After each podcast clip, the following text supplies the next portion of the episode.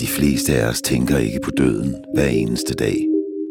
Vi lever vores liv uden tanke på, at det en dag er forbi. Derfor kan vi indimellem komme til at tage livet for givet. Så hvad gør det ved et menneske, når ens egen død pludselig kommer tæt på? Hvad kan mødet med døden fortælle os om livet? Det spørgsmål stiller vi i denne podcast-serie, hvor du skal høre en række fortællinger om mennesker, der på forskellig vis har stået ansigt til ansigt med døden. Det var ligesom at være med i en film eller et eller andet. Det var så uvirkeligt at være helt derude, hvor man bare, altså hvor jeg jo fuldstændig magtesløs. Vi har mistet begge motorer, vi styrter. Jeg er blevet så nedkølet til sidst og har fået hjertestop. Og jeg kan se vildskaben i de der øjne. Mor, jeg tror, jeg skal dø i dag. Vi skal alle sammen dø. Uanset hvad der sker, så må du ikke glemme mig. Du lytter til Jeg overlevede. Jeg overlevede Los Federales.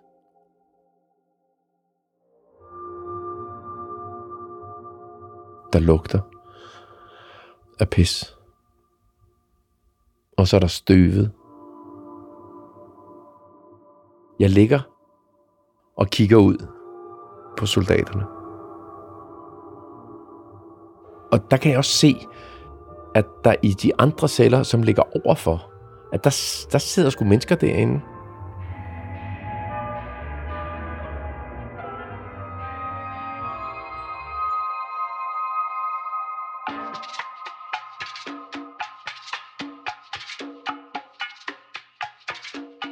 Vi er i Mexico i 1979. Claus og hans venner er lige ankommet til Mazatlan. En kystby med badestrande og strandhoteller og værtshuse. Byen er kendt for det pulserende natteliv, men byen er også kendt for vold, skyderier, dræbte turister og mafiaen, der smugler narko til USA. Og det føderale politi Los Federales, der jo skulle bekæmpe mafiaen her i Mazatlan, er korrupt og voldeligt. Men alt det ved Claus ikke. Han er 21 år, og han har glædet sig til at opleve Mexico. Jeg havde rejst meget sådan konventionelt besøgt Rom eller Paris eller sådan nogle byer. Her vil jeg godt opleve noget mere originalt, øh, men, men jeg var ikke så bevidst om, hvad er det lige, jeg skal opleve. Når jeg ser tilbage på det, kan jeg se, at jeg skubbede mig selv og kom ud i situationer, som var helt ekstreme. Det er en varm tropeaften i november, og indenfor er de lokale så småt ved at forberede sig på den meksikanske jul. Der skal købes gaver og pyntes op. Udenfor er gadelygterne blevet tændt. Claus og vennerne slendrer ned ad gaden, mens deres løse skjorter flagrer i den lune aftenbrise. Vi er i byen, og vi har det fedt. Vi har fået en del pejere, og vi går ned ad gaden. Der er ikke så mange andre turister i byen, så Claus og vennerne stikker lidt ud. Dels fordi jeg er hvid. Altså rigtig amerikaner hvid. Og så i korte bukser. Det gør mexikanere aldrig, i hvert fald ikke der. Man går ikke i korte bukser i Mazatlan, for så ligner man en gringo. En hvid amerikansk turist. Og ligner man en gringo, så risikerer man at blive rullet eller det, der er værre. Ugen for inden er en amerikansk turist fundet nakkeskudt.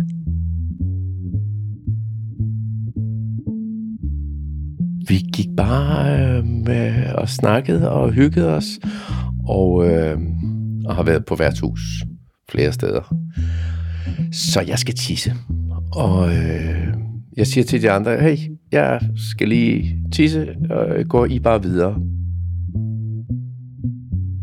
Så jeg stiller mig op af et, et træ eller et eller andet, som man nu gør som mand. Man skal altid stå op af et eller andet, når man tisser. Øh, og det eneste, jeg, jeg, der, der, der bliver overrasker mig der, det er, at jeg hører en lastbil bag mig, som hakker bremsen i. Så den rigtig voldsomt. Men, men da jeg står med alle talenterne i hånden og tisser, så er det jo ikke sådan, jeg vender mig om. Det næste, jeg oplever, det er bare, at jeg bliver taget og smidt op i luften. Og da jeg så lander, så er det på bunden af ladet af en lastbil. Claus ligger på ryggen, og på hver side af ham sidder en række soldater med automatrifler og stiger ned på ham. De nærmeste sætter bare lige støvlerne ovenpå mig for at holde mig nede, og så er der nogle af dem, der sætter deres geværkolbe ned i brystet på mig, ligesom for at markere, vi har dig fuldstændig i vores magt.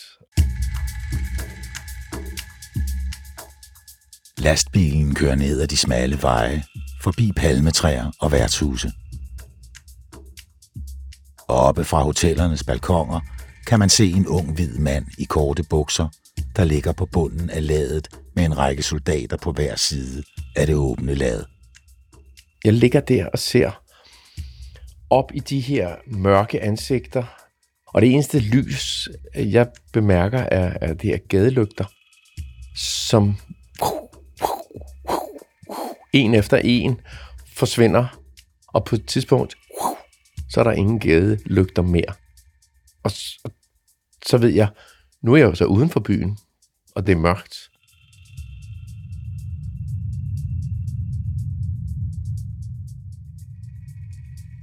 Soldaterne griner og, og håner mig øh, og spytter på mig. Og jeg forstår slet ikke, hvad der er sket. Jeg ved bare, at jeg skal ydmyges. Jeg skal måske tæskes. Jeg skal måske maltrakteres. Måske ender jeg ja, død i grøften. Jeg er hyperspændt, som en, øh, en bue lige før pilen skal skydes af. Altså alt i min krop er klar. Ikke til at flygte. Det ved jeg godt. Det, det, det vil være dybt åndssvagt. Jeg er, er bare helt klar på, hvor er der en udvej? Hvor er der en fli af en mulighed for, at jeg kan få kontakt til et af de her mennesker, eller få fortalt dem et eller andet, som gør, at de forstår, okay, ham her, ham skal vi spare, altså vi behøver ikke slå ham ihjel lige nu.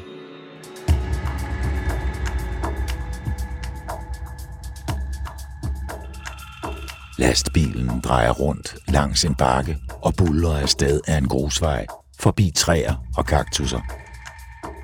Og så på et tidspunkt, så kommer der lys igen. Men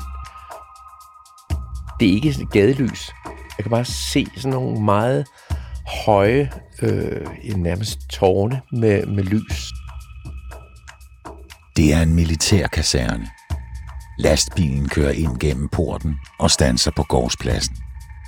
To soldater hiver Claus ned fra ladet og vælter ham om kul. Han rejser sig og ser sig omkring. Der står en masse lastbiler og jeeps og sådan noget. Der er grus på, på hele gårdspladsen. Og jeg kunne også hurtigt se, at der var nogle celler. Nogle buer med, med træmmer i sådan 10-15 meter fra der, hvor jeg, hvor jeg stod. Claus står midt på gårdspladsen. Foran ham står en 17-årig soldat med sorte dun på overlæben og en automatriffel i hænderne. Det er ham, der har fået mig. Det er ham, der ligesom har fået sit, sit, sit bytte for denne her aften. Mens de andre, de står lige om bagved, og nogle af dem snakker, nogle tager, tager sig en smøg. Meget afslappet, men ham her, han er, helt tændt op på, at jeg er hans bytte. Han løfter geværet op i luften og skyder et skud af, sænker geværet igen og prikker det ind i brystet på mig. Og så vender han automatriflen om, så han med kolben slår mig i nyrerne, og så vender han geværet om igen og prikker mig i brystet med geværløbet. Så jeg bukker sammen af, af, af smerte, men jeg vil ikke ned og ligge. Jeg skal for alt i verden ikke ligge ned igen. Jeg kan se, at han, han er lynklar men jeg er ikke øh, lammet i min handling. Tværtimod, jeg leder efter en eller anden form for vej ud af det her. Og den leder jeg sådan set efter hos ham her, den unge soldat. Han er den eneste, jeg har nogen som helst føling med. Og det er hos ham, at jeg skal på en eller anden måde finde en vej ud af det her, så jeg overlever. Han er ikke på stoffer. Jeg ved, jeg kan nå ham på en eller anden måde. Han er et menneske. Så jeg skal bare lige tænde hans nysgerrighed efter at finde ud af, at jeg også er et menneske. Jeg skal have talt ham ned. Bare lige lidt ned. Altså, så jeg siger, nej, jeg er ikke gringo. Jeg er vikingo. Øh, uh, soy vikingo. Øh, I første omgang uh, ryster han bare på hovedet. Han siger ikke noget. Men han bliver ikke mere aggressiv. Altså, så jeg, jeg bliver bare ved. Og det betyder rent faktisk også, at der er nogle af de andre, som står bag ham, og dem, der står og har kaffe, kaffepause, smøgpause, de griner lidt af det der vikingo og så videre. Pludselig forstår ham her, at unge fyr, der står og holder mig som bytte, at, øh, at, at de synes, det er lidt sjovt. Altså rent faktisk ved jeg slet ikke, om der er nogen af dem, der ved, hvad en viking er. Men de forstår bare, at, at jeg ikke er en gringo. Jeg i virkeligheden vil gøre mig til en speciel art, som de jo ikke må slå ihjel. Øh, fordi hvis jeg bare var en ganske almindelig due eller gråsbog, så kunne man bare knække nakken på den. Nu er jeg en eksotisk fugl, en vikingo. Den kan I da ikke tillade jer at slå ihjel. Jeg står der og siger, jeg er ikke gringo. Jeg er viking. Og han lytter, men der er nogen, der siger noget, og så, så tvinger de mig ned igen ved at lige sparke mig i haserne, og så trækker mig hen til en af de her buer, som jeg har set. Et af de lave buer åbner de op for, og der bliver jeg så tvunget ind i, sparket ind i rent faktisk. Buret er omkring en meter højt. Det er bygget ind i en murstensbygning, sådan at træmmerne flugter med facaden. En soldat låser træmmelågen og efterlader Claus i buret. Der lugter af pis. Og så er der støvet. Jeg ligger og kigger ud på soldaterne. På deres ben og støvler. Og, og der kan jeg også se, at der i de andre celler, som ligger overfor, at der, der sidder sgu mennesker derinde.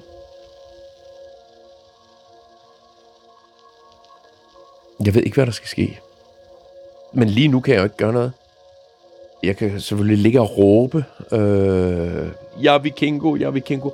Men jeg har jo ligesom fortalt dem det, så jeg, jeg skal ikke miste ansigt mere, end jeg allerede har. Jeg er, er bare helt klar på, hvad der end sker, så skal jeg tage imod det og, og forsøge at gøre det til min fordel. Og det eneste, jeg, jeg får gjort, mens jeg ligger der, det er at få lynet op for min gylp.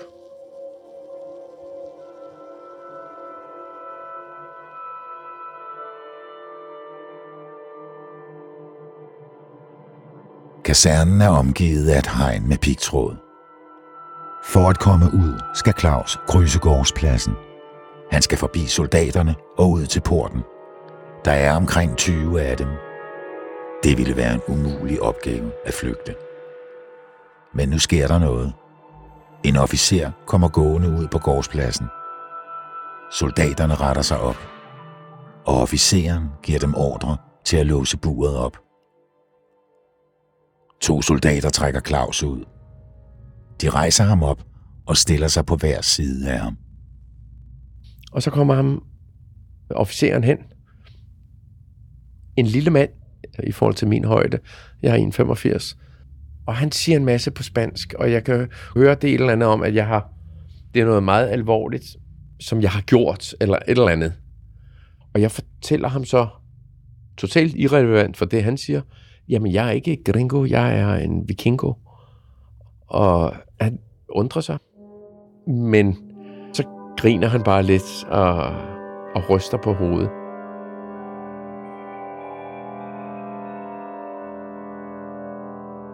Og så beder han de to soldater, som står omkring mig, om at, at kropsvisitere mig. Soldaterne banker på, øh, på mine bukser og min jakke og øh, tager min pung ud og giver ham pungen og giver alt, hvad jeg har af papirer og, og penge i, i mine bukselommer. Og han tømmer min pung for alle øh, penge og også hvad der er af, af kørekort og sådan noget, og smider det på gruset, det han ikke kan bruge, står med pengene og folder dem så sammen og putter dem i lommen og siger, okay. Og så går han.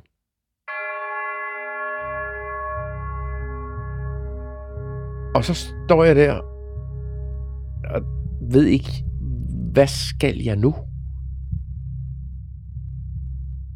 Jeg bukker mig ned og samler min punkt sammen. Og jeg begynder så at gå mod porten. Bestemt, men ikke for hurtigt. Jeg kan høre dem bag mig. De står der. Og jeg går mod, ud, ud mod mørket. Jeg skal ikke stoppe. Jeg skal ikke kigge mig over skulderen. Jeg skal ud. Men lige før, at jeg er kommet ud, så er der en, der råber. Gringo!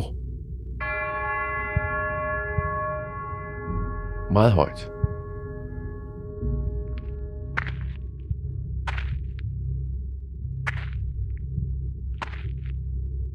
Gringo! Jeg kan løbe ud, og så løbe væk herfra. Skal jeg bare løbe nu? Jeg ved jo ikke, hvor jeg kan løbe hen. Nej, nej, jeg skal ikke, jeg skal ikke løbe. Hvis jeg løber, så skyder de mig bare. Så jeg vender mig om. Og så kommer en, en soldat løbende mod mig, og, jeg, og så jeg kan se, at det er ham her, den unge fyr. Ham, der skød op i luften og bankede mig i nyrerne med, med sin geværkolbe. Han kommer løbende mod mig. Stadigvæk med sin rifle. Og så spørger, om jeg vil køre med. Uh, altså, om jeg vil køre med. Og i mellemtiden er de andre soldater, de er hoppet op på lastbilen, de sidder op på ladet, og lastbilen kommer, kommer kørende mod os. Altså den samme lastbil, hvor jeg lige har ligget i bunden af, af ladet nogle timer forinden og blevet sat støvler ovenpå og banket med geværkolber. Så spørger han, om jeg vil køre med ned til Marsatlan. Og, og der må jeg jo bare sige, ja tak, det vil jeg da godt.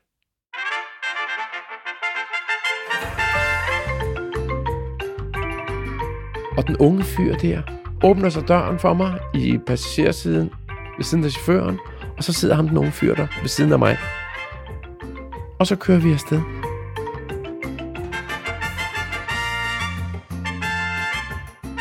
Jeg var lige blevet ydmyget, sparket, spyttet på alt muligt. Og nu sad jeg der i, øh, i førkabinen og var på vej ned til Mazatlan.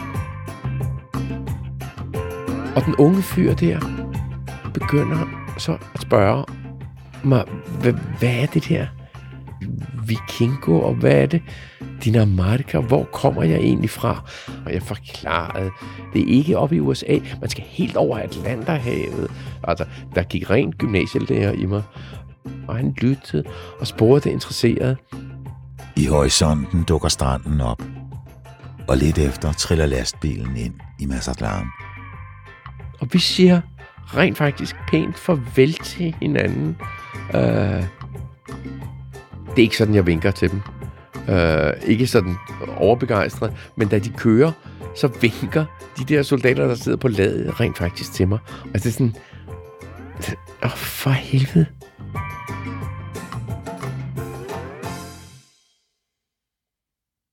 Da jeg får vinket farvel til, til soldaterne, går jeg ned til vores hotel. Og der er ikke nogen af mine kammerater på hotellet. Så jeg sætter mig op på hotelværelset og åbner en øl og drikker den. Og åbner endnu en øl. Og så sidder jeg der i min seng på hotelværelset. Og så kommer de hjem. og Jeg kan høre dem, da de kommer. De snakker om, hvad fanden gør vi? Og ja, altså, de har været ude og ringe til den amerikanske ambassadør. Og jeg sidder der bare med en øl. Og så kommer de ind, og så bliver de jo vildt overrasket. Hvor, hvorfor helvede ringede? Hvor, hvor, hvor, eller ringede? Hvorfor sagde du ikke noget? Jamen, stop lige. Jeg er lige kommet tilbage. Jeg har jo ikke kunnet komme i kontakt med jer. Øh, ambassadøren, den amerikanske ambassadør, han havde sagt til dem, jamen øh, i sidste uge havde vi en, øh, en turist, der forsvandt, der blev fundet nakkeskudt, og, øh, og det, det ser vi desværre øh, ofte, altså at det er farligt område for amerikanske øh, unge mænd, øh, især hvis de bevæger sig ud om natten øh, heroppe i Nordmexico.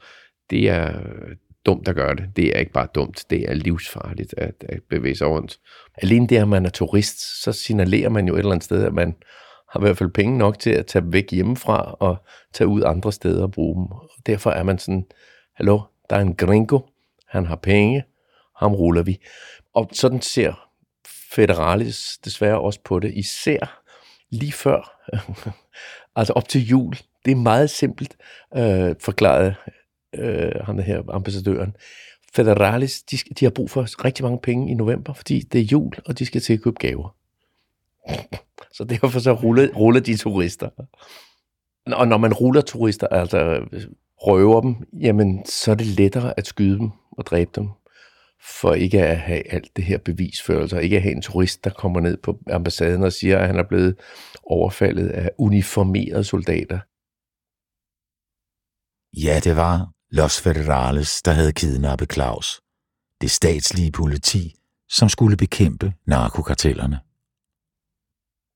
Los Federales blev opløst i 2019, og de uniformerede betjente med automatriflerne blev indlemmet i en ny politienhed, der bedre skulle være i stand til at bekæmpe narkokartellerne.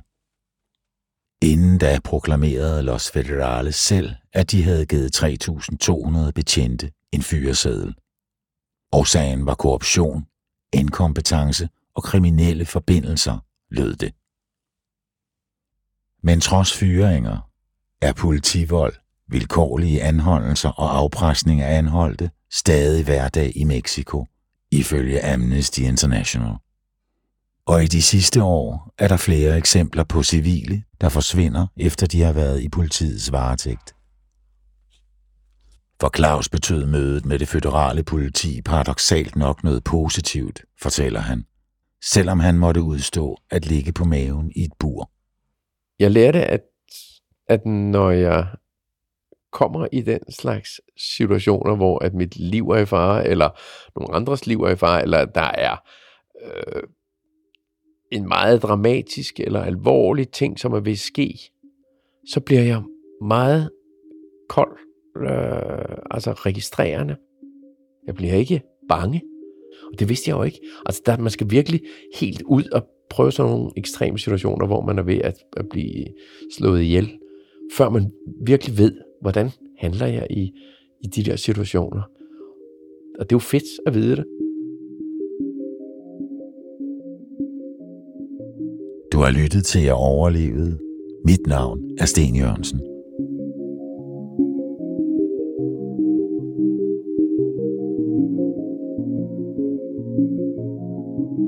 Podcasten er produceret af Munk for Podimo.